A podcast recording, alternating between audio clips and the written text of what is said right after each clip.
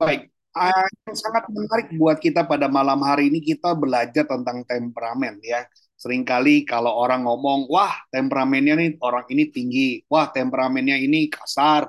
Jadi apa itu sebenarnya kalau kita perhatikan bicara tentang temperamen? Temperamen itu adalah kombinasi dari sifat bawaan sejak lahir di dalam kehidupan kita, entah itu kelemahan ataupun kelebihan. Jadi temperamen ini sangat membawahi dari segala sesuatu yang saudara miliki. Seorang Stanley Hurt dia bilang begini bahwa temperamen itu adalah suatu ke, apa keinginan dasar yang baik dari pikiran maupun perasaan maupun kemauan. Semua orang pasti punya temperamen. Nah, apa yang ada dalam diri kita sebagai orang-orang Kristen yang dipercaya Tuhan? Contohnya temperamen seorang Abraham, Musa, Petrus, Paulus, mereka punya temperamen temperamen yang tabiat-tabiat mereka yang mereka miliki itu punya uh, satu kerinduan atau keinginan sebuah panggilan di mana mereka bisa menjadi orang-orang yang terpilih. Ya, memang nggak sembarangan kalau kita punya temperamen temperamen ya. Kalau di sini saya mencam, mencatat bahwa temperamen itu adalah gabungan dari ciri bawaan seorang yang tidak disadari dengan pengaruh tingkah laku seorang. Jadi temperamen itu bisa membawa pribadi orang itu melekat dengan Tuhan, temperamen juga bisa membuat orang itu menjadi menjauh dengan Tuhan. Nah, macam-macam dalam temperamen ini sering kali kita nggak tahu bahwa Tuhan memberikan satu kesempatan buat saudara dan kita semuanya sebuah keunggulan dalam temperamen-temperamen ini. Jadi kita mengenal bahwa temperamen ini adalah sesuatu yang Tuhan taruh dalam kehidupan kita, ya bagaimana kita bisa menjadi orang yang mampu menguasai, mampu mengisi hari-hari kita bersama dengan Tuhan, mampu membawa diri kita dalam pengenalan kepada Tuhan, sehingga kita bisa memperlancar apa saja sih yang kita harus miliki di dalam temperamen kita. Ya, tidak lain adalah buah roh.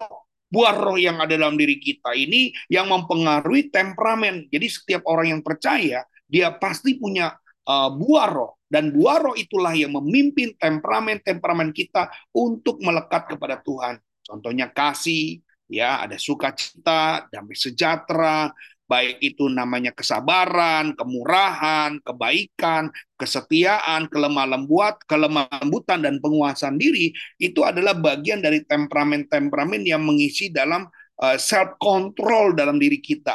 Nah, kita percaya bahwa Tuhan mau supaya kita mampu untuk membawa temperamen-temperamen kita ini ke arah yang betul-betul jelas. Jangan sampai kita bawa temperamen kita dalam gabungan dalam diri kita, maka dominan yang dunia itu jauh lebih besar daripada rohani. Nah, mari kita bawa bahwa kita harus menjadi orang-orang punya ciri-ciri turunan yang positif, ciri-ciri turunan Alkitabiah, ciri-ciri turunan yang rohania, yang ini yang kita butuhkan. Nah, yang pertama, bangsa atau ras, ini ciri-ciri yang turunkan. Ada orang bilang gini, wah, pasti ini orang ini orang Madura, oh orang ini orang Batak, orang ini orang Sunda, oh orang ini pasti orang Jawa. Jadi kadang-kadang untuk menyatukan hal seperti itu saja di dalam gereja saja sudah mulai terbelah-belah ya ada gereja yang hanya isinya orang Jawa, ada gereja yang isinya orang Batak, ada orang gereja yang isinya hanya orang Manado, itu cukup banyak. Ternyata walaupun mereka sudah mengenal Tuhan Yesus yang sama, tapi terkadang mereka masih membawa kebangsaannya, temperamennya. Dan inilah saya, inilah kami begitu. Entah kenapa, apakah ini, kalau positif sih buat saya is oke okay ya. Tetapi kalau hanya gara-gara ingin sebuah yang membedakan akhirnya membuat kelompok-kelompok eksklusif. Nah, ini yang bahaya. Ketika mereka membentuk kelompok-kelompok eksklusif, ini bahaya kenapa? Ini mereka akan punya sebuah ke, uh, kesendirian begitu. Ya, ada gereja Tionghoa yang isinya hanya orang Tionghoa semuanya. Gereja Manado, semua isinya orang-orang Manado. Ya, seharusnya Tuhan tidak ingin kita menjadi bagian seperti itu, yang seperti itu saja Tuhan pisahkan. Ingat ya, waktu terjadi Babel itu gara-gara mereka tidak pernah mau berpisah. Mereka selalu punya bahasa yang sama. Nah, dengan adanya uh, pemisahan tentang terjadinya menara Babel, bahasa-bahasa itu dikacau balaukan. Mereka punya bahasa masing-masing akhirnya. Nah, itu yang Tuhan mau. Seks dan faktor keturunan itu juga merupakan ciri temperamen. Ada orang-orang yang punya metode-metode yang keunikan-keunikan yang jauh berbeda yang sering kali kita nggak pernah pahami. Ya, mereka ada yang misalnya uh, bicara tentang temperamen bahwa wanita lebih unggul, pria lebih unggul. Nah, itu juga sebuah temperamen. Faktor keturunan juga bahwa laki-laki jauh lebih tinggi daripada wanita. Nah, ini juga bagian-bagian dari temperamen-temperamen seperti itu. Nah, coba kita lihat Yeremia 1 ayat 5. Pak Charles bantu saya, Yeremia 1 ayat 5. Nah, kita bisa tahu mana yang harusnya kita pahami, kita ungguli dalam kehidupan kita dalam uh, sebuah temperamen yang ada. Ya, silakan. Yeremia 1 ayat yang kelima. Ya. Sebelum aku membentuk engkau dalam rahim ibumu, aku telah mengenal engkau. Dan sebelum engkau keluar dari kandungan, aku telah menguduskan engkau. Aku telah menetapkan engkau menjadi nabi bagi bangsa-bangsa. Amin. Amin. Jadi jelas bahwa memang Tuhan itu sudah tahu siapa diri kita. Tapi justru dalam konotasi saat ini kita yang membisa-bisakan seperti itu. Ya, yang tadinya Tuhan jadikan satu, semua jadi terpisah. Hari-hari ini memang uh, kental sekali ya yang namanya uh, sebuah ras, kebangsaan maupun faktor-faktor keturunan, laki-laki lebih unggul. Kadang-kadang dia orang Kristen sendiri tapi adatnya udah masih dipakai. Mereka merasa laki-laki itu jauh lebih mahal daripada wanita. Ada yang juga yang wanita jauh lebih mahal daripada laki-laki. Nah ini kebiasaan.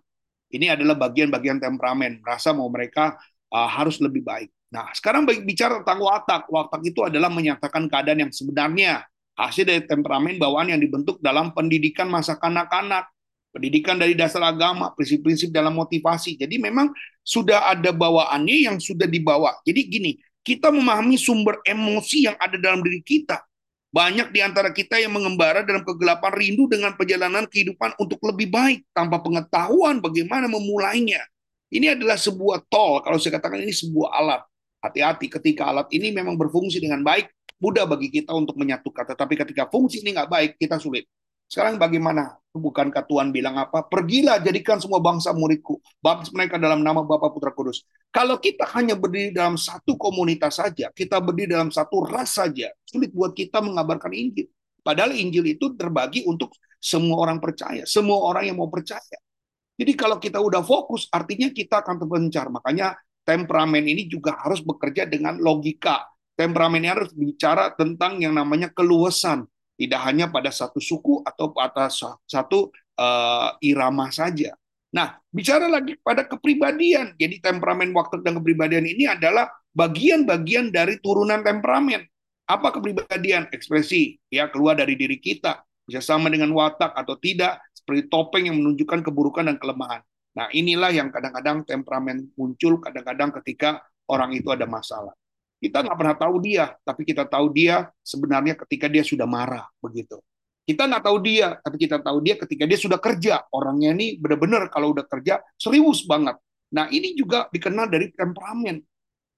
Ya, mungkin kita selama ini kenal dia baik, tapi ketika kita mulai mengenal dia nggak baik, kenapa? Ketika dia lagi marah, ya, ketika dia sedang uh, apa membuat sebuah pernyataan begitu dalam ketegasannya oh kita tahu ini orang tegas banget begitu.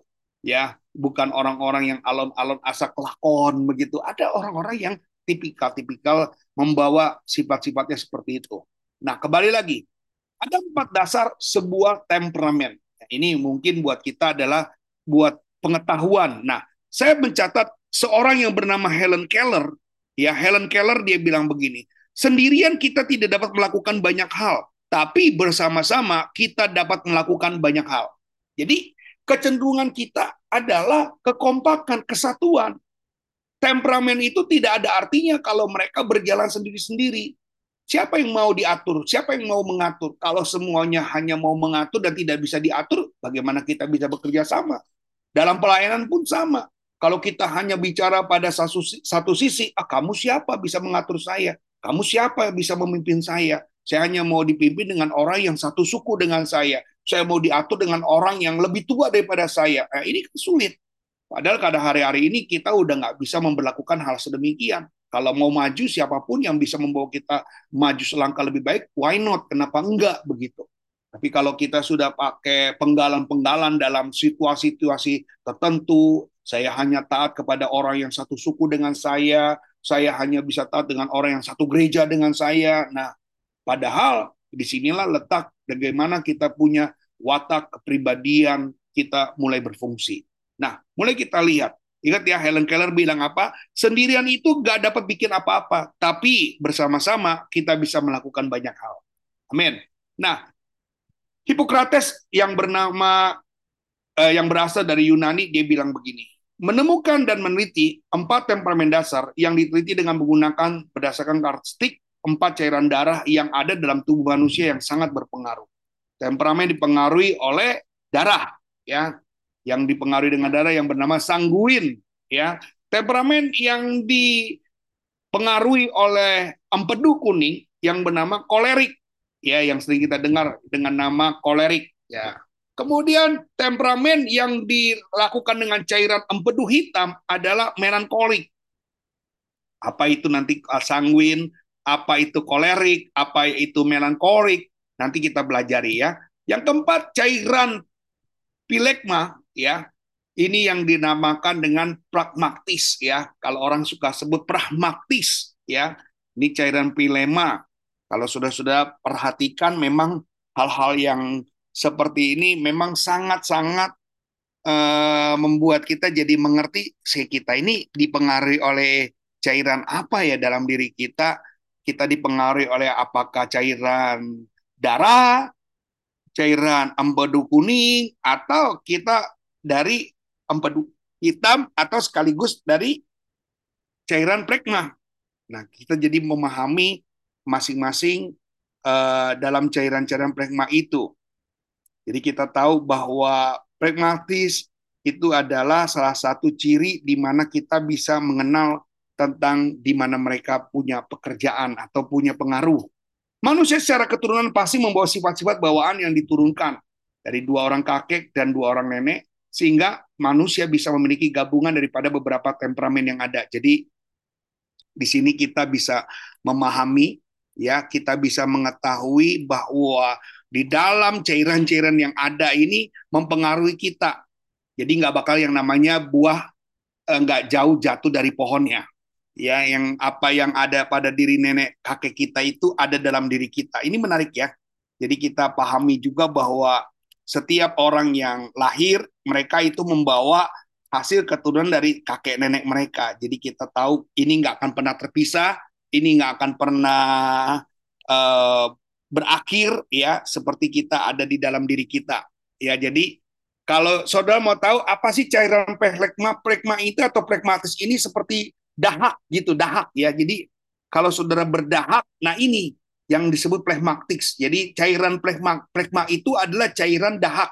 Kalau saudara berdahak, ya ini dia. Kalau empedu hitam nggak usah saya jelasin ya, empedu kuning juga atau darah udah pasti jelas. Tadi yang saya katakan apa itu cairan plekma? Cairan plekma ini cairan dahak begitu. Dari dahak orang bisa ketahuan dia itu punya plekmatis dalam pribadinya.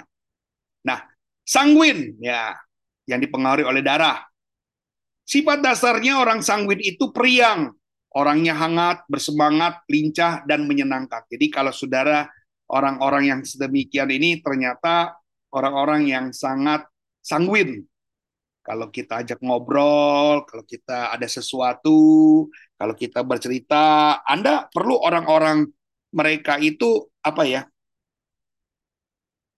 Boleh juga apa mereka itu diajak untuk temen ngobrol, temen curhat, orang sanguin enak. Tapi kalau kita cerita dengan orang-orang yang ada tiga nanti di bawah, sudah akan bingung karena mereka nggak biasa. Jadi kalau saudara mau bercerita, curhat, nah enak banget nih sama orang-orang sanguin. Ya, dia enakin banget deh kalau untuk diajak ngobrol. Ya, kemudian dapat dengan cepat menerima segala keadaan. Orangnya itu ya obakan orang mangan, yang penting ngumpul. Nah, orang sanguin tuh gampang. Lo bisa bawa orang-orang sanguin dalam proses-proses yang seperti ini. Ya, dia nggak makan juga oke, okay, nggak makan juga nggak apa-apa, begitu. Jadi metode-metode orang seperti ini ya kita bisa pahami. Kemudian keputusannya lebih diarahkan kepada perasaan daripada pikiran. Nah, orangnya nggak enakan begitu.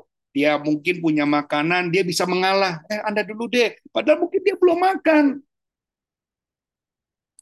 Untuk tipe sanguin, ini gampang. dia bisa melakukan seperti itu.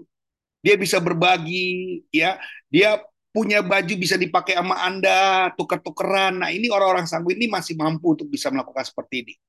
Ya, dia pokoknya orangnya gampangan deh. Pokoknya buat diajak susah bisa, diajak seneng bisa, diajak mabok juga bisa.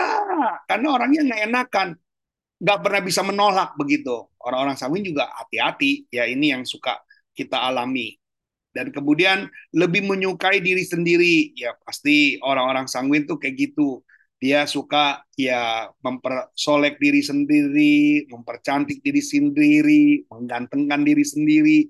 Nah itu orang-orang sanguin. Nah tidak senang dengan kesunyian. Orangnya maunya rame gitu. Dia nggak suka menyendiri. Pokoknya dia kalau ada dia harus rame deh. Jadi kalau sudah mulai mengenal nih teman kita siapa yang kayak gitu ya. Nah itu orang-orang sanguin. Dia pokoknya ada dia selalu harus rame. Dia nggak suka yang namanya dalam kesepian. Dia nggak suka yang namanya menyendiri. Nah, jadi kalau kalau ada uh, eh, 15 orang yang ikut, ya mungkin ada suami istri ya di sebelah tipe-tipe ini kita jadi kenal ini. Oh ternyata orang ini orang sanguin, ya. Dia pokoknya nggak suka sendirian. Dia sukanya ngumpul, dia sukanya rame, ya. Kalau saudara punya tipe-tipe seperti ini, sudah mulai menyadari, oh ternyata saya sanguin ya, ya saya orangnya sukanya rame begitu. Makan nggak makan, yang penting ngumpul. Nah, makannya cuma kuaci, ngumpul begitu. Saudara punya pekerjaan bagi rame-rame, nah ini orang-orang sanguin. Ya, pokoknya dia kalau mau kerja pasti ada banyak orang serdadu-serdadu yang nemenin dia. Ya, boleh bilang kiri kanan, gua kenal banget tuh orang. ya, jadi itulah tipe-tipe sanguin. Apalagi, nah bicara dulu baru mikir. Orang-orang sanguin punya kecelakaan yaitu dia suka ngomong apa adanya tanpa dia berpikir panjang. Ibatnya banyak, nah bilang kiri kanan gue kenal tuh dengan tuh orang, ya. Tapi dia terus, ya kadang-kadang dia ngomongnya belakang, ngomongnya duluan, pikirnya belakangan. Oh iya ya, orang itu tersinggung nggak? Nah, orang-orang sanguin biasanya dia nggak punya ketersinggungan. Nggak punya. Dia ngomongnya apa adanya, tapi benar gitu, tulus gitu. Bukannya uh, kita pikir dia akan berpunya, ya memang sering kali dengan tipikal-tipikal yang lain dia akan bermasalah terus. Kenapa? Orang yang seperti ini jarang orang mau suka untuk bicara. Kenapa? Nggak bagus kedengarannya gitu. Ya, jadi kita akan menemukan dengan orang-orang yang sedemikian dan kita semuanya akan temuin model seperti ini. Tapi tulus, tulus. Orang ini gampangan ya, dia mudah dinasehati, ya orangnya mulai ngerti, ya kalau kita kasih kode dia udah bisa paham sendiri. Ini orang-orang sangwit. Keenakannya ada, keunikannya ada, tapi kadang-kadang ini dia yang terjadi. Ngomong baru mikir. ya, kita sering kali ketemu dengan orang gitu. Bicaranya keras tapi mantap, semangatnya berapi-api. Waduh ya.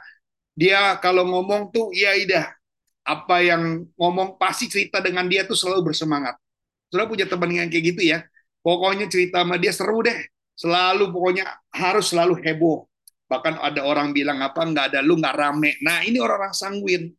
Bicaranya ngomong-ngomong kadang-kadang gede gitu ya. Ngomongnya keras tapi mantap penyanyi biasanya seperti ini. Ya, indikasinya, ya kita tahu ya indikasinya ini sering kali terjadi ya sudah tahu siapa sih mereka, dia bisa kalau sudah tahu mereka biasanya pekerjaannya sebagai sales, seorang guru, pekerja rumah sakit, juru bicara, aktor atau orator ya. Jadi boleh juga nih orang-orang yang kayak gini ini jadi aktor atau jadi artis ya. Paling enggak juru bicara.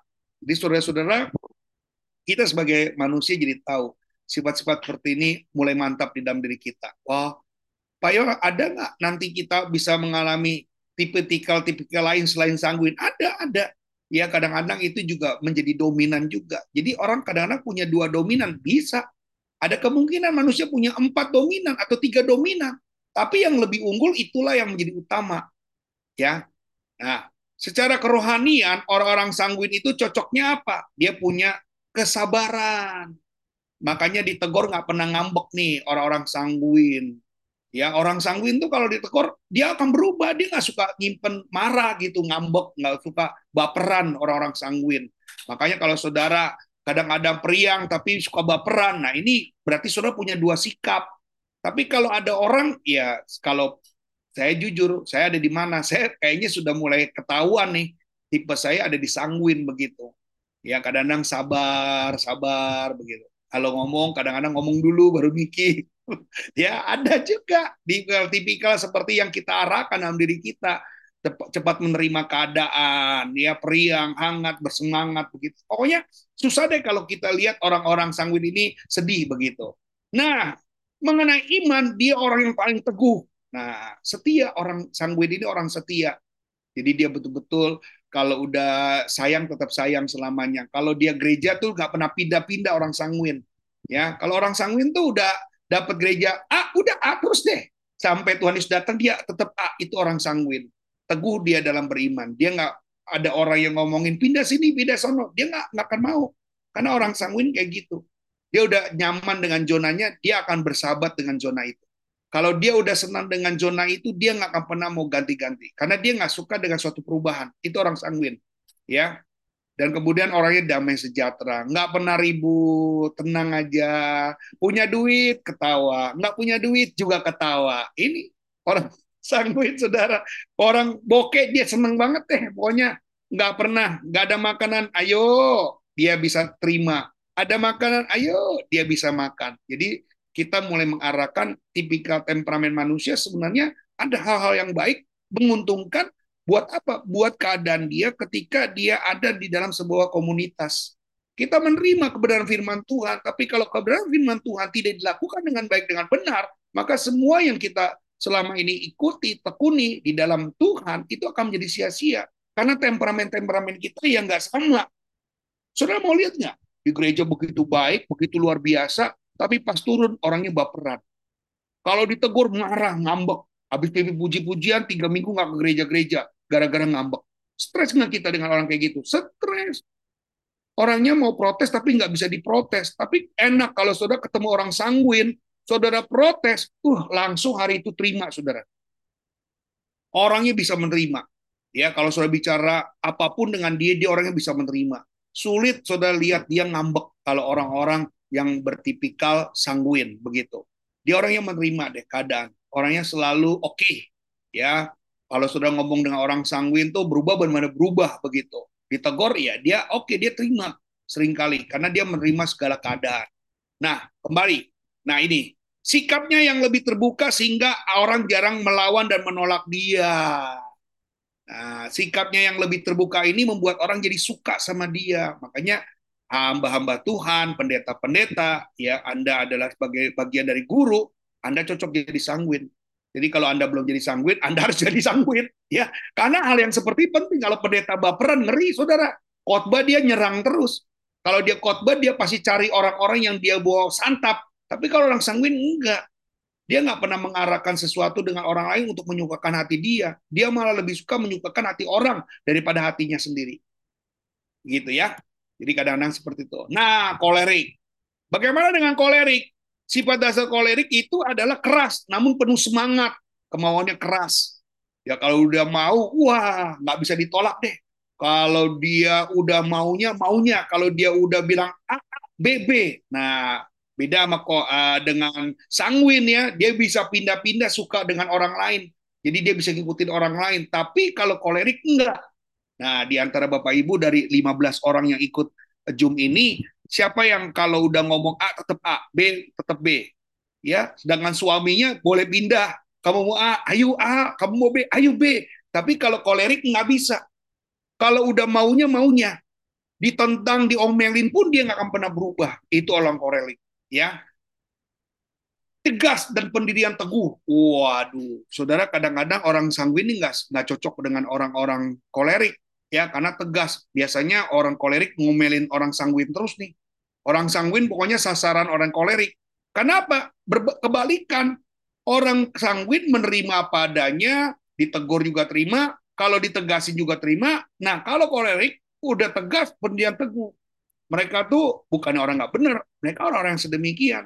Kita kadang-kadang punya tipikal di mana kita boleh mengenal, iya ya, saya orangnya nggak bisa tuh basa-basi tuh, ya. Gue sih kalau udah AA, kalau gue udah mau gue sikat, gue sikat, gue tegur, gue tegur gitu. Ada orang kayak gitu, nggak ngelihat itu siapa pun. Kadang-kadang orang kolerik punya temperamen seperti ini. Mudah membuat keputusan untuk dirinya sendiri dan orang lain. Wow, dia kalau udah putusin, putusin sendiri. Maunya, maunya. Pokoknya saudara, dia selalu menjadi leader yang kadang-kadang tidak disukai. Kenapa? Karena sering kali pilihan-pilihan atau keputusan-keputusan dia sepihak. Tidak dari orang lain. Dan orang-orang sanguin banyak yang mundur kalau orang-orang kolerik jadi seorang pemimpin. Itu sering kali. Ya, mundurnya dalam arti dia udah terlalu sakit begitu. Apalagi orang kolerik nggak suka banget dengan tipikal orang sanguin begitu. Ya, kemudian mampu mempengaruhi dirinya tanpa dimotivasi, tanpa dirangsang. Dia kalau belajar belajar sendiri. Ya, dia nggak usah disuruh belajar. Kalau kayak anak-anak kita tuh ada yang disuruh belajar, nah kayak sanguin. Kalau nggak disuruh belajar nggak belajar. Tapi kalau orang kolerik nggak suruh belajar, dia belajar. Nah, saudara mulai lihat anak-anak saudara ya di rumah. Siapa ya anak-anak saya kalau dia ulangan, dia nggak usah disuruh belajar. Dia udah belajar sendiri. Nah, saudara mulai melihat, wah dia kolerik gitu ternyata anak saya nih ya. Dia pokoknya nggak usah di, kalau kamu ulangan 10, papa beliin sepeda, nggak usah. Orang kolerik itu nggak usah harus ada apa namanya iming-iming, dia akan kerjakan langsung. Demi kesuksesan dia berjuang langsung. Demi pekerjaan kalau belum tuntas dia kerjakan tuntas tuh. Itu dia orang-orang kolerik. Dia memacu memotivasi dirinya sendiri. Ya, tanpa ada orang lain yang suruh, tanpa harus ada wah kamu nanti kalau dapat ini kamu kasih ini dapat ini enggak. Orang kolerik itu maju, tak gentar. Dan tidak takut dengan kesengsaraan. Orang ini nggak takut. Selama gue punya ilmu, gue akan berjuang itu. Ya, kalau orang sanguin kan tadi ada ayo, nggak ada nggak apa-apa. Tapi kolerik nggak bisa. Dia harus sudah punya masa depan sendiri yang dia bangun. Dia tahu kapan waktu menyimpan, dia tahu kapan untuk keluar. Lain orang sanguin. Ya, ada uang bisa habis langsung pada hari itu. ya, jadi kalau dia nggak ada rem-remnya kalau orang sanguin, kolerik nggak bisa. Dia bukan orang seperti itu. Antusias, ya, dia punya rasa entusiam, ya, satu semangat pribadi dia yang dia bawa, bakat untuk memimpin. Ya, ini orang kolerik. Orang sanguin bisa jadi pemimpin juga. Nah, itu dia saya katakan. Ada orang yang bisa memiliki diri dua ini. Koleriknya ada, sanguinnya ada. Nah, kombinasi yang bagus adalah empat-empat yang harus ya. Tapi ini kalau sudah mulai mulai melihat orang sanguin bisa jadi pemimpin bisa. Tapi orangnya gampangan begitu. Pak berubah, berubah. Pak ini Pak ikut gitu ya. Orang-orang sanguin kalau jadi pemimpin seperti itu. Tapi kalau memang orang kolerik, enggak. Tidak mudah untuk belas kasihan. Ya kalau orang bilang orang kolerik itu bengis. Kasarnya bilang bengis. Dia dia tuh orangnya lo mau ngomong apa ke, mau bilang gua pelit, mau bilang gua ini bodoh amat. Itu orang kolerik. Saudara, ya dia nggak nggak suka melihat orang menangis, dengan mengasihani dirinya sendiri. Dia orang yang uh, pokoknya nggak nggak gampangan deh. Saudara kalau ketemu orang kolerik minjem duit, saudara akan langsung di langsung ditegur sama dia. Sorry ya kalau saya nggak punya uang, bu, saudara akan tahu jawaban dia. Oke gitu ya. Ya ada orang kan bilang kalau orang sanguin pinjam duit, dia mikir butuhnya berapa, mau pinjam berapa, itu orang sanguin. Tapi kolerik ya nggak punya duit, dia punya duit, tapi dia nggak untuk pinjemin orang lain. Pak, pinjam duit, Pak. Nggak. Itu orang kolerik. Tapi orang sanguin. Butuh duit ya. Butuhnya berapa? Balikinnya kapan? Nah, itu orang sanguin. Makanya orang sanguin banyak ketipu. tapi orang kolerik nggak bakal ketipu. Dia lebih bengis gitu. Nggak bisa. Dia bilang apa? Aduh, gue juga susah. Nggak ada pinjam-pinjam deh itu orang kolerik. Kalau orang sanguin, uh, lebih nggak enakan. Makanya kalau pinjam duit, pinjamlah sama orang sanguin. Ya, kenapa? Pasti dia tanya. Dia tuh ping, pengen pinjam, tapi minta kepastian. Itu orang sanguin. Karena nggak tegas. Ya, mau pinjamnya berapa? Balikinnya kapan? Saudara nggak balikin juga. Dia mah udah selesai orang sanguin. Tapi kolerik, uh, saudara, saudara ketemu orang kayak gini, biarpun dia orang Kristen, stres, ya, stres. Itu yang terjadi. Nah, orang kolerik itu pinter. Orang kolerik itu tangkas. Dia tahu memanfaatkan, memaksimalkan yang namanya waktu. Dia tahu waktu itu akan berputar. Tapi kalau orang sanguin jauh beda. Dia tahu kapasitas-kapasitas, tapi lihat dia lebih pinter biasanya. Kolerik itu ya kalau ulangan 6 atau 7 deh. Ya, kalau sanguin, kalau kolerik udah 8 atau 9. Dia memang orang tahu, tangkas dia tahu kapasitas-kapasitas yang dia miliki. Nah, berpikirnya sistematis, makanya nggak bisa pinjam duit sama dia. Oh, pinjam duit sama dia sampai nangis juga nggak bakal keluar. Bener, Walaupun itu saudara kandung, kalau orang kolerik, pinjam duit, nggak ada deh sama dia deh. Tapi kalau dia mau beri, dia beri. Kalau dia mau kasih, dia kasih. Karena dia sistematis. Ada waktu dia harus menabur, ada saatnya dia mengencangkan ikat pinggang. Itu orang kolerik. Ya kadang-kadang cocok nggak? Cocoknya jadi bendahara yang kayak gini. Ya, tapi kalau jadi pemimpin kasihan juga ya. Sudah menemukan orang-orang yang kayak gini. Cenderung menguasai, mengatur, dan tidak segan-segan. Nah, ini maunya ngatur, mimpin, tapi orangnya kurang ada yang namanya perhatian sedikit. Ya itu keunikan kalau Tuhan kasih buat kita dengan orang sedemikian. Saya percaya 15 orang yang ikut hari ini Jubinar udah mulai merasa siapa ya, siapa ya, siapa ya. Dan jangan-jangan saya banget nih kayak gini gitu. Ya, suka ngatur apa, memperalat orang lain dianggap sebagai oportunis. Nah, dia selalu nih orang-orang kayak gini ya dia kumpulin orang, dia suruh orang, dia ya diem, ya. Atau dia kasih orang pintar, bikin dia alasannya dia mengajar, padahal dia sedang ya oh itu orang kolerik deh, memanfaatkan situasi dia sangat jago banget, dia tahu banget untuk mengatur situasi. Orangnya cepat puas dengan diri sendiri sehingga kurang pekat terhadap hal-hal yang lain. Ini sering kali ya dia merasa dia punya fine, gue begini ya gue udah deket sama Tuhan, beda ya orang-orang yang sedemikian sering kali kita jumpai di dalam setiap kehidupan kita, yang mana memang perlu kita perbaiki. Nah, jika seorang Kristen sifat tidak menyulitkan dia karena sungguh-sungguh apa percaya kepada Kristus, dia harus sungguh-sungguh. Orang kolerik ini, ya sulit memahami orang lain, ternyata sering berpikir dan berkata kamu tidak bisa berbuat apa-apa tanpa aku. Nah ini orang-orang yang mode diktator ini sering kali terjadi. Namun bila ia hidup dalam roh, maka ia dapat melakukan hal-hal yang melebihi batas kemampuannya. Orang-orang ini pasti Tuhan punya kuasa. Ya, kita tahu bagaimana uh, kita punya pemimpin dari seorang pribadi yang memiliki hal seperti ini. Jadi memang kita butuh. Kita butuh tentang hal-hal yang kita miliki sebagai pribadi yang mengasihi Tuhan. Pasti. Dalam tahap kemerosotan moral, dia orangnya sangat ya bahaya dengan apa yang kita alami Nah ini kita harus percaya bahwa semuanya itu penting buat kehidupan kita. Nah yang ketiga adalah melankolin. Apa itu melankolin? Ya, melankolin adalah sifat dasarnya analitis, rela berkorban, punya bakat, perfeksionis dan sensitif. Orangnya perfeksionis, orangnya sangat sensitif, orangnya sangat berbakat, rela berkorban, ya analis. Pokoknya apa-apa tuh kalau nanya dekat begitu. Kalau mau apa-apa detail begitu. Kalau nanya orang juga detail. Nah, orang-orang dia beda dengan orang kolerik, beda dengan orang sanguin. Orang sanguin kan menerima apa adanya. Kalau orang kolerik kan, ya kamu kalau penting baru berurusan dengan dia. Kalau nggak penting, nggak akan pernah bisa berurusan dengan orang kolerik. Tapi melankolin, itu orangnya rela berkorban analitis. Jadi dia betul-betul kalau nanya detail banget. Dia kalau orang orang sanguin kalau ketemu orang ya udah sehola senyum oke okay, selesai.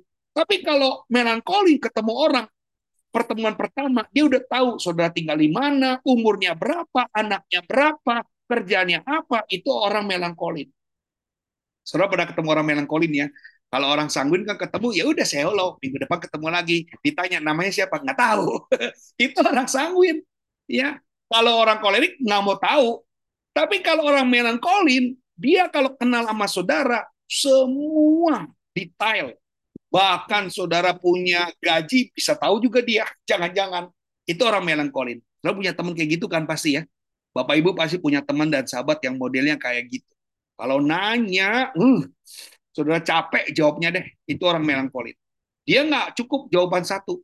Kalau ditanya jawabannya banyak, saudara. Ya, dia perlu jawaban yang banyak dan nggak tahu untuk apa tapi orang itu dan kemudiannya apa sensitif baperan orang melankolin itu baperan ya pokoknya kalau kita udah ngomong sama dia nggak diajak ngomong pasti baperan kalau kita ngomong nggak diajak ngomong baperan Pokoknya orang baperan ini ada di dalam melankolin. Ya, mungkin Bapak Ibu nggak ada ya. Di sini nggak ada ya, nggak ada yang ngaku. Yang kedua, perasaannya lebih menguasai dirinya, cenderung mengikuti perasaan hati. Nah itu yang dibilang baperan. Orangnya ikutin perasaan, ngelihat muka orang asem, dia udah langsung perasaan. Mungkin orang itu lagi sibuk, orang itu lagi capek, tapi orang melankolin itu gampang banget baperan. Mudah banget tersinggung. Ya orang-orang kayak gini ini ya memang ada di gereja kadang-kadang. Ya nggak disalamin, nggak ke gereja lagi. Ada orang itu nggak dapat hadiah Natal, nggak ke gereja lagi. Ada. Ya orang-orang melankolin sering kali seperti itu. Ya kalau di gereja maunya ditegur, kalau nggak ditegur dia merasa dia sudah dimusuhi dalam gereja. Itu orang-orang perasaannya lebih baperan, ya. Nah orang seperti ini ya memang unik kalau saya katakan. Nah berubah-ubah orangnya, ya. Pada saat tertekan dia bisa jadi pendiam. Oh itu orang melankolin. Sudah punya teman ya, wow pokoknya kalau dia lagi ada masalah dia diem deh. Orang udah tahu, udah deh. Dia lagi diem, pasti lagi ada masalah. Nah itu orang melankolin. Makanya orang sanguin sering kali punya melankolin juga. Ya kadang-kadang seperti ini, diem kagak ada jelasnya begitu. Nanti tiba-tiba dia rame-rame sendiri, dia diam-diam sendiri. Dia juga suka jadi perenung, ya kadang-kadang juga jadi orang yang yang nggak mau ketemu sama orang. Nah itu orang melankolin. Ya teman yang setia dapat dipercaya. Ya orang melankolin nggak suka cerita, tapi dia dengar cerita orang, tapi dia nggak suka cerita. Ya kan orangnya bisa dipercaya. Ya kalau punya teman melankolin, saudara punya rahasia aman deh ya. Kalau saudara punya teman melankolin saudara punya curhat aman. Karena dia nggak suka cerita tapi dia demen dengar cerita orang. Kalau saudara cerita sama dia itu kalau orang sanguin kan kita cerita dia lupa. Tapi kalau orang kolerik tuh nggak suka diceritain. Tapi kalau orang melankolin dia akan tanya cerita saudara. Sampai saudara enak banget ceritanya. Ya jelas dan hati-hati ya. Dia tetap uh, bukan hati-hati Saudara beruntung, mereka adalah orang yang bisa dipercaya dari cerita saudara. Ya, tidak suka menonjolkan diri, ya pendiam tadi sudah saya sampaikan. Nah, curiga, ya itu tadi cenderung mengikuti perasaan hati.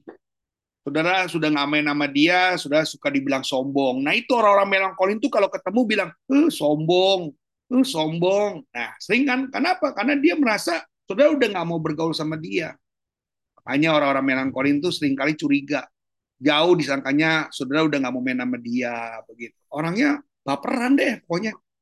Sering kali kita nemui orang-orang seperti ini dalam gereja sejak pelajaran hari ini bapak ibu diberkali ya gembala membekali saudara supaya saudara sudah mulai memperhatikan orang-orang yang modelnya seperti itu ya. Sikapnya peka penuh analis ya. Tidak uh, sehingga dia mengetahui tentang cepat dengan halangan bahaya namun sering menyalahkan orang lain. Itu dia orang-orang melankolin, yang orangnya peka, ya dia orangnya perasa, tapi juga kadang-kadang dia nggak mau disalahkan. Seringkali orang-orang seperti ini unik. Orang melankolin itu orang paling unik, ya. Dia orang-orang seperti ini. Kalau udah mau mau, kalau nggak mau ya nggak mau. Orang seperti itu. Kalau lagi mau jalan-jalan, dia mau jalan dia udah. Nah, sering merasa jadi korban, tapi tidak menyadari bahwa penyebabnya itu adalah keadaan dia sendiri. Nah, itu sering kali. Kalau saudara merasa bahwa di dalam sifat-sifat orang melankolin ini ya sifat-sifatnya seperti itu. Ya, diam tapi pasti, pasti ya tapi diam begitu. Saudara, nggak enak banget kalau punya teman melankolin itu kalau dia sudah mulai marah. Nah, saudara pusing nih dengan dia. Oh, ceritanya kalau saudara mulai nggak dengerin dia punya cerita, selesai saudara. Saudara nggak bisa menolak orang melankolin punya cerita. Apalagi kalau melankolin ketemu temen yang kolerik aduh yang nggak suka dengerin cerita orang. Pokoknya kalau sudah curhat sama orang kolerik pusing deh. Apalagi temannya melankolin. Wah udah deh. Sering kali jadi berantem mereka. Melankolin memang cocoknya dengan sanguin. Tapi ingat dia cerita apa yang sudah ceritain besok lupa. Itu dia. Orang sanguin tuh jarang pengingat. Dia cerita hari ini besok ditanya hah? Sudah punya teman kayak gitu ya. Kita udah cerita panjang-panjang sama dia kita udah curhat panjang-panjang. Terus kalau kita tanya lagi, lu masih ingat kayak kemarin? Aduh, sorry, gue lupa. nah, sudah punya teman kayak gitu lucu ya. Nah, bila temperamen ini dikendalikan oleh Roh Kudus, maka ia menjadi temperamen yang paling hebat. Ya, melankolin ini punya hubungan perfect banget dengan Tuhan. Wah, kalau sudah lihat orang pendoa melankolin, uh, doanya itu yang kalau saudara pernah dengar, Allah, Bapak, Ishak, Yakub, Esau, uh, semuanya dia sebutin. Itu dia orang melankolin. Pokoknya kalau suruh orang melankolin doa, lengkap. Pokoknya dari ujung sampai ujung bawah, semua selesai. Itu orang melankolin. Maka dibilang, kalau dia dikendalikan oleh roh kudus, dia menjadi orang yang paling hebat dari temperamen-temperamen lain. Itu orang melankolin. Dia punya perasaan yang luar biasa. Dia bisa menggambarkan Allah seperti angin, seperti lautan, seperti bumi yang indah, cakrawala. Pokoknya kalau dia doa tuh seperti itu. Itu orang melankolin. Ya beda orang sanguin. Kalau berdoa ya udah suka-suka dia deh. Ujung-ujungnya pokoknya amin deh. Itu orang-orang sanguin. Ya orang sanguin suruh doa pasti cepat. Orang doa bisa lima menit, dia paling juga satu menit. Itu juga kebanyakan satu menit. Kadang-kadang cuma 30 detik dia doa udah itu orang sanguin. Tapi kalau kita tanya lagi orang sanguin, doanya apa? Dia nggak tahu doanya apa. ya, saudara kalau orang sanguin sudah doa, dia nggak tahu doanya apa. Tapi orangnya mau. Kalau disuruh cepet, cepet. Tapi doanya itu. Ya, mudah-mudahan saudara udah mulai berubah lah. Ya, ada yang memang cocok sanguinnya untuk sikap yang tertentu, tapi dalam hubungan sama Tuhan harus pakai melankolin ya. Amin ya. ya saudara bisa campur kok, kan udah diajarin hari ini. Dia mampu memanfaatkan kelebihan dengan baik, namun dapat pula dikuasai oleh kelemahan sendiri sehingga mengalami gangguan emosi, putus asa, sedih tanpa alasan, depresi. Nah, orang-orang kayak gini, orang stres. Orang melankolin gampang banget stres. Kenapa ya tadi? Maunya diperhatikan, kalau tidak diperhatikan baper, gereja juga begitu. Kalau nggak ditanya, ya udah selesai sama orang-orang melankolin kayak gitu. Dia bisa nggak datang lagi ke gereja cuma gara-gara dianggap gereja kita nggak memperhatikan dia. Itu susah banget ketemu orang yang orang yang perfect. Ya dia nggak suka yang namanya ya apa ya banyak gaya lah. Itu orang melankolin. Dia tahu siapa diri kita sesungguhnya. Eh, dia suka perfect banget. Depan orang-orang khotbah ini kalau yang main-main orang melankolin tuh uh, penuh dengan kecurigaan. Sangat sangat. Nah yang terakhir apa itu pragmatik pragmatik adalah sifat dasar yang berasal dari cairan dahak ya Nah, kita lihat orangnya tenang, dingin, santai, stabil. Ya. Jadi atau lambat. Jadi orang-orang ini pragmatik ini orang-orang tenang, dingin, cool. Mau ngomong apa? Oh, cool.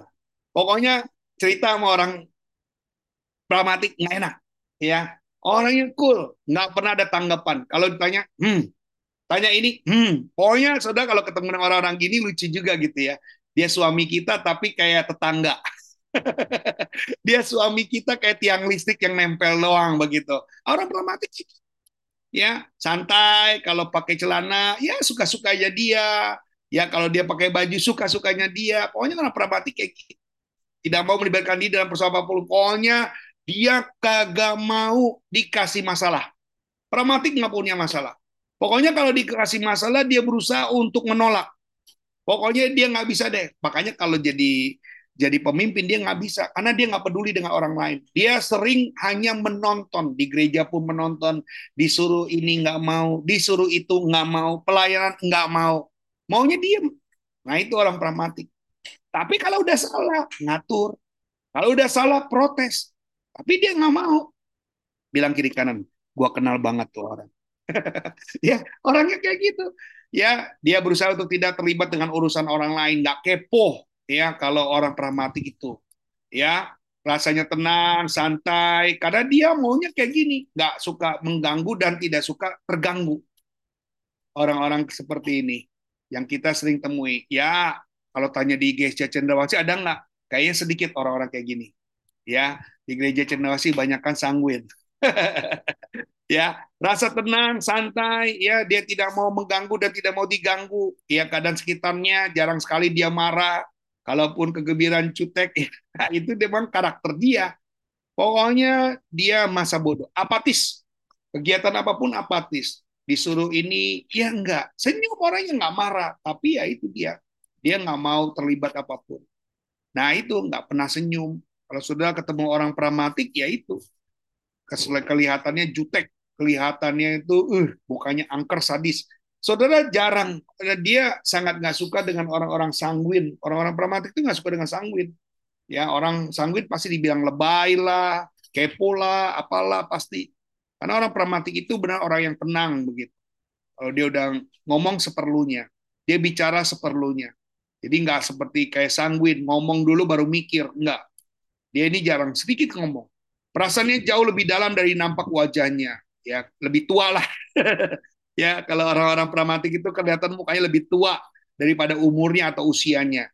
Ya, mempunyai kemampuan untuk menghargai karya seni. Nah, seninya dia lebih aneh gitu. Kalau suka lukisan.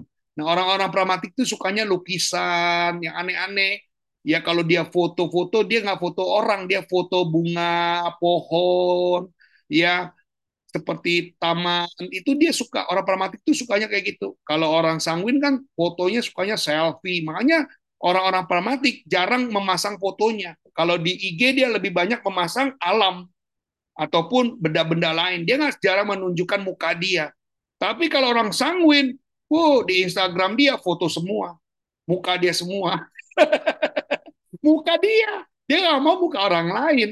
Ya, orang-orang sanguin gitu ya. Tapi kalau pragmatik, dia nggak pernah. Kalau pergi-pergi yang dia foto pesawatnya, dia pergi-pergi dia foto nama kotanya, dia nggak pernah. Ya, nggak pernah menunjukkan dia sedang makan. Dia orangnya sangat private. Dia nggak mau kegiatan dia orang lain tahu. Itu pragmatik. Ya, saudara-saudara ada yang kayak gitu ya kalau pergi ke mana-mana. Tapi kalau orang sanguin kan komplit. Ya, kalau pergi pasti orang tahu dia ada di sini. Ya, contohnya gembala saudara. ya, mempunyai rasa humor yang sinis. Kalau ngeledek orang tuh ngomongnya, ih, dia nggak ketawa, tapi, uh, nyakitin banget gitu, nyindir gitu. Makanya orang-orang kayak gini suka suka kalau ngomong sekali ngomong nggak enakin begitu. Kalau humor, humornya uh, buat orang-orang sakit deh. Dia bikin orang ketawa, tapi ya itulah orang-orang pragmatik sering kali kalau nyindir lebih dalam begitu. Ya. Memiliki ingatan yang kuat dan baik. Nah, saudara hati-hati. Kalau ngomong sama orang pragmatik, A, jangan diubah lagi. Dia akan ingat selama-lamanya apa yang sudah bicara. Mungkin orang-orang kayak gini punya tipikal yang sangat indah sekali kalau menurut saya. Ya, paling disukai adalah menggoda mempermainkan perasaan orang lain, yaitu meledek tapi nggak enak ledekannya, bercanda candaannya tuh nggak enak. Ya, orang pragmatik itu.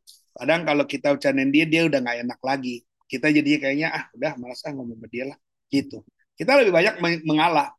Orang kolerik, orang orang-orang pramat, uh, orang-orang sanguin, ya, uh, orang-orang yang ngalami masa-masa seperti ini, dia udah langsung mundur melihat orang-orang pragmatik.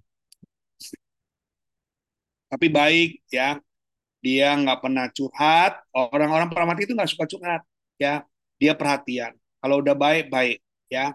Orangnya seperti itu. Jadi ada nggak nggak semuanya hanya kelemahan-kelemahan, tetapi kelebihan yang mereka juga ada. Ya, menghindar seorang pemimpin, namun dia juga memimpin, dia akan membuktikan dirinya dia mampu. Tapi memang orang-orang seperti ini uh, punya kelebihan uh, yang sering kali tidak dapat kesempatan karena dia dengan cara tidak terlibat dengan urusan lain ya bukannya nggak bisa memimpin cuma jadi lucu. Pemimpin yang sangat apa ya uh, buat saya pemimpin yang sangat monoton begitu. Karena tingkah laku yang dia lakukan itu. Jadi harapan saya ya kita menjadi orang-orang yang harus lebih baik. Dalam kondisi masalah ini dia sering kali mengatakan wah parah sekali keadaannya, melebih-lebihkan keadaan, ia sering mendamaikan orang lain atau membawa damai. Meskipun semuanya karena dia tidak terlibat dalam masalah, tapi dia bisa menyelesaikan. Orang-orang pragmatik itu gampang banget untuk bisa untuk bisa mendamaikan orang lain. Dia bisa ngomong secara tegas begitu dengan tegas-tegasnya. Jadi ingat kita berinteraksi, ingat orang sanguin itu berkobar-kobar, tidak pernah tenang, ya dia punya tujuan melankolin juga yang suka murung kolerik yang ambisi selangit ya jadi kita tahu apa yang bisa kita lakukan sehingga kita tahu apa yang harus kita ingatkan ya Halabesi ya dokter Halabesi dia bilang orang sanguin itu menyukai namun gampang melupakan melankolin kesal dengan orang lain tapi membiarkan orang itu dalam perbuatan yang jahat jadi dia orangnya cuek kolerik memperalat orang lain keperluan ya atau ngebosi nih orang kolerik itu ngebosi gitu suka nyuruh-nyuruh orang, apa-apa nyuruh, apa-apa nyuruh gitu. Tapi dia suruh nggak bakal mau.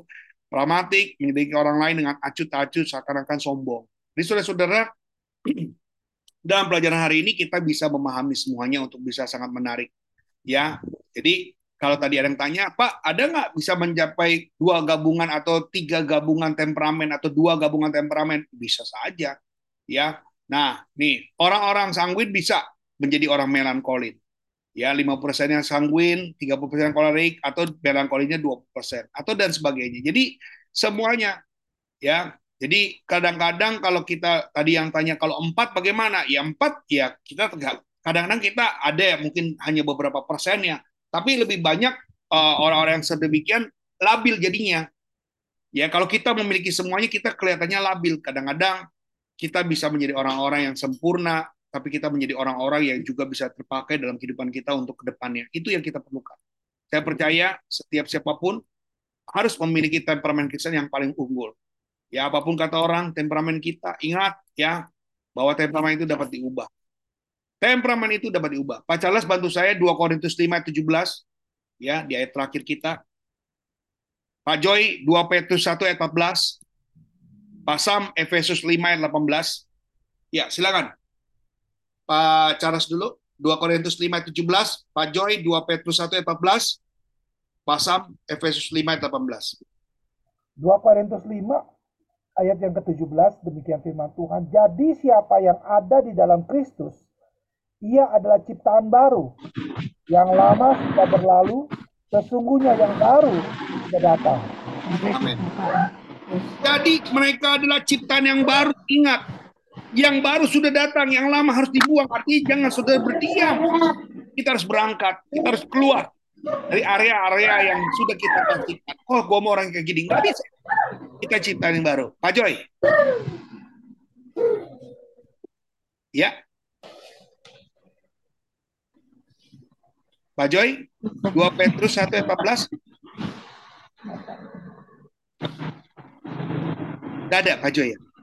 Ya, 2, 2, 2 Petrus 1 ayat 14. Ya. Sebab aku tahu bahwa aku akan segera menanggalkan kemah tubuhku ini.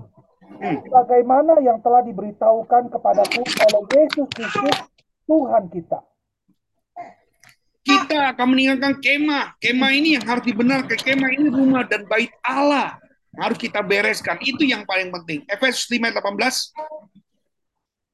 Ya. Dan janganlah kamu mabuk oleh anggur karena hmm. anggur menimbulkan hawa nafsu, tetapi yes. hendaklah kamu penuh dengan roh. Jangan mabuk, tapi kamu hidup dalam roh. Ya, Tuhan pasti menginginkan kita jauh ke depan untuk menjadi orang-orang hebat. Tuhan nggak pernah menginginkan satu hal yang lemah bertahan dalam hidup kita. Tuhan mau kita menjadi orang-orang yang unggul. Tuhan mau kita menjadi orang-orang yang bermanfaat. Tuhan mau menjadi orang-orang yang uh, layak menjadi pemenang. Tuhan nggak suka dengan orang-orang yang hanya keinginan gagal, gagal. Tapi Tuhan mau kita lebih sempurna lagi. Bapak Ibu yang kasih dalam Tuhan, percayalah ini kesempatan kita untuk menjadi orang-orang yang militan. Di dalam kesempatan ini kita sudah belajar, kita mempelajari apa yang kurang dari di dalam diri kita, jangan bertahan dengan kekurangan itu. Kita harus lebih memperbaikinya. Oh iya, betul mungkin Pak Agem katakan kita ada orang kolerik, kita orang melankolin, kita orang sanguin, kita orang pragmatik. Jadi ke beberapa hal yang ada dalam diri itu bukan menjadi satu dominan kita. Ah, udah gue diam aja. Nah, kata Pak Gem, saya orang yang melankolin, saya orang yang kolerik. Jangan. Usahakan yang positif. Bagus, puji Tuhan. Saudara sudah punya orang yang bisa mengampuni. Ya, orang yang salah, ngomong salah, saudara bisa mengampuni. Jadi kalau bisa hal seperti ini bukan pendendam. Yang membiarkan, ingat, kita orang anak Tuhan. Bahkan sifat-sifat Kristus harus ada dalam diri kita usahakan ya empat-empat hal itu ada dalam diri kita supaya kita bisa menguasai. Tapi sayang, tidak berjalan dengan mulus kalau orang yang punya empat sifat itu. Paling bisa pun hanya dua atau tiga. Kalau empat memang bisa, tetapi nggak berjalan dengan baik. Ya, nanti orang akan bilang, wah, tuh orang sifatnya aneh-aneh. Kadang melankoling, kadang sifatnya kolerik, kadang sanguin. Kan nggak mungkin. Ya, kita mau jadi orang yang terbaik, kita mau jadi orang yang the best, kita menjadi orang yang berfungsi di dalam Tuhan. Amin. Tuhan Yesus memberkati. Haleluya, haleluya. Bapak Ibu ada yang mau bertanya? Kalau sudah paham, boleh kasih reactionnya. Puji Tuhan. Pelajaran yang sangat menarik hari ini ya. Terima kasih. Oke. Tuhan berkati Bapak Ibu semuanya. Ada yang mau bertanya? Iya. Kalau kita semuanya, oh iya ada pertanyaan dari Ibu Lina. Bu Rolina katanya, kalau semuanya ada sama kita gimana Pak? Iya tadi katakan, biasanya dia nggak kurang begitu sempurna. Sudah akan melihat manusia yang agak berbeda-beda atau abu-abu begitu. Jadi nggak mungkin ya kalau sudah ketemukan sama. Biasanya mereka hanya memiliki dua atau tiga saja. Kalau empat itu mungkin yang satu itu hanya sesekali saja, bukan menjadi sifat. Ya hanya menjadi suatu jalan aja begitu ya kadang-kadang dia karena dia bergaul dengan orang melankolin karena dia bergaul dengan orang sanguin dia ikut sanguin tapi hanya sementara. Nggak begitu. Jadi abadi. Kalau yang kita butuhkan yang abadi yang selama ini ada. Ya saya percaya ibu bapak semua bersifat yang hatinya hati sanguin ya serius ya serius kolerik ya sungguh doanya melankoli ya ketaatannya pragmatik. Jadi bisa saja ya, tapi ya itulah indahnya kita sebagai ciptaan Tuhan. Tuhan tuh bikin kita luar biasa. Dan Tuhan Yesus memberkati buat kita semuanya. Haleluya. Baik kita akan akhiri uh, pertemuan kita pada malam